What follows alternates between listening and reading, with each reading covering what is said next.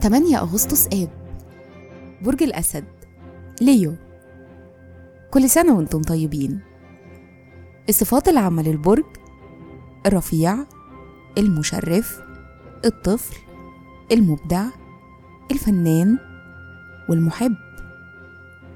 الكوكب الحاكم الشمس. العنصر النار. الطالع في يوم ميلادكم. رحلة الحياة. لما بتوصلوا لسن 15 سنة بتبدأ مرحلة مدتها 30 سنة. أهم ميزاتها الميل للنظام والعملية في حل المشاكل. بتبقوا حريصين أكتر في التعامل مع وقتكم وطاقتكم وما بتضيعهمش على الفاضي. عند سن 44 بيزيد احتياجكم للتوازن والتناغم. الشخصية عندكم ثروة من الأفكار الإبداعية. دي بتساعدكم تكونوا مبتكرين وناجحين. مهم بالنسبة لكم إنكم تلاقوا الشرارة الإبداعية وتعتمدوا عليها لمقاومة القلق والتوتر.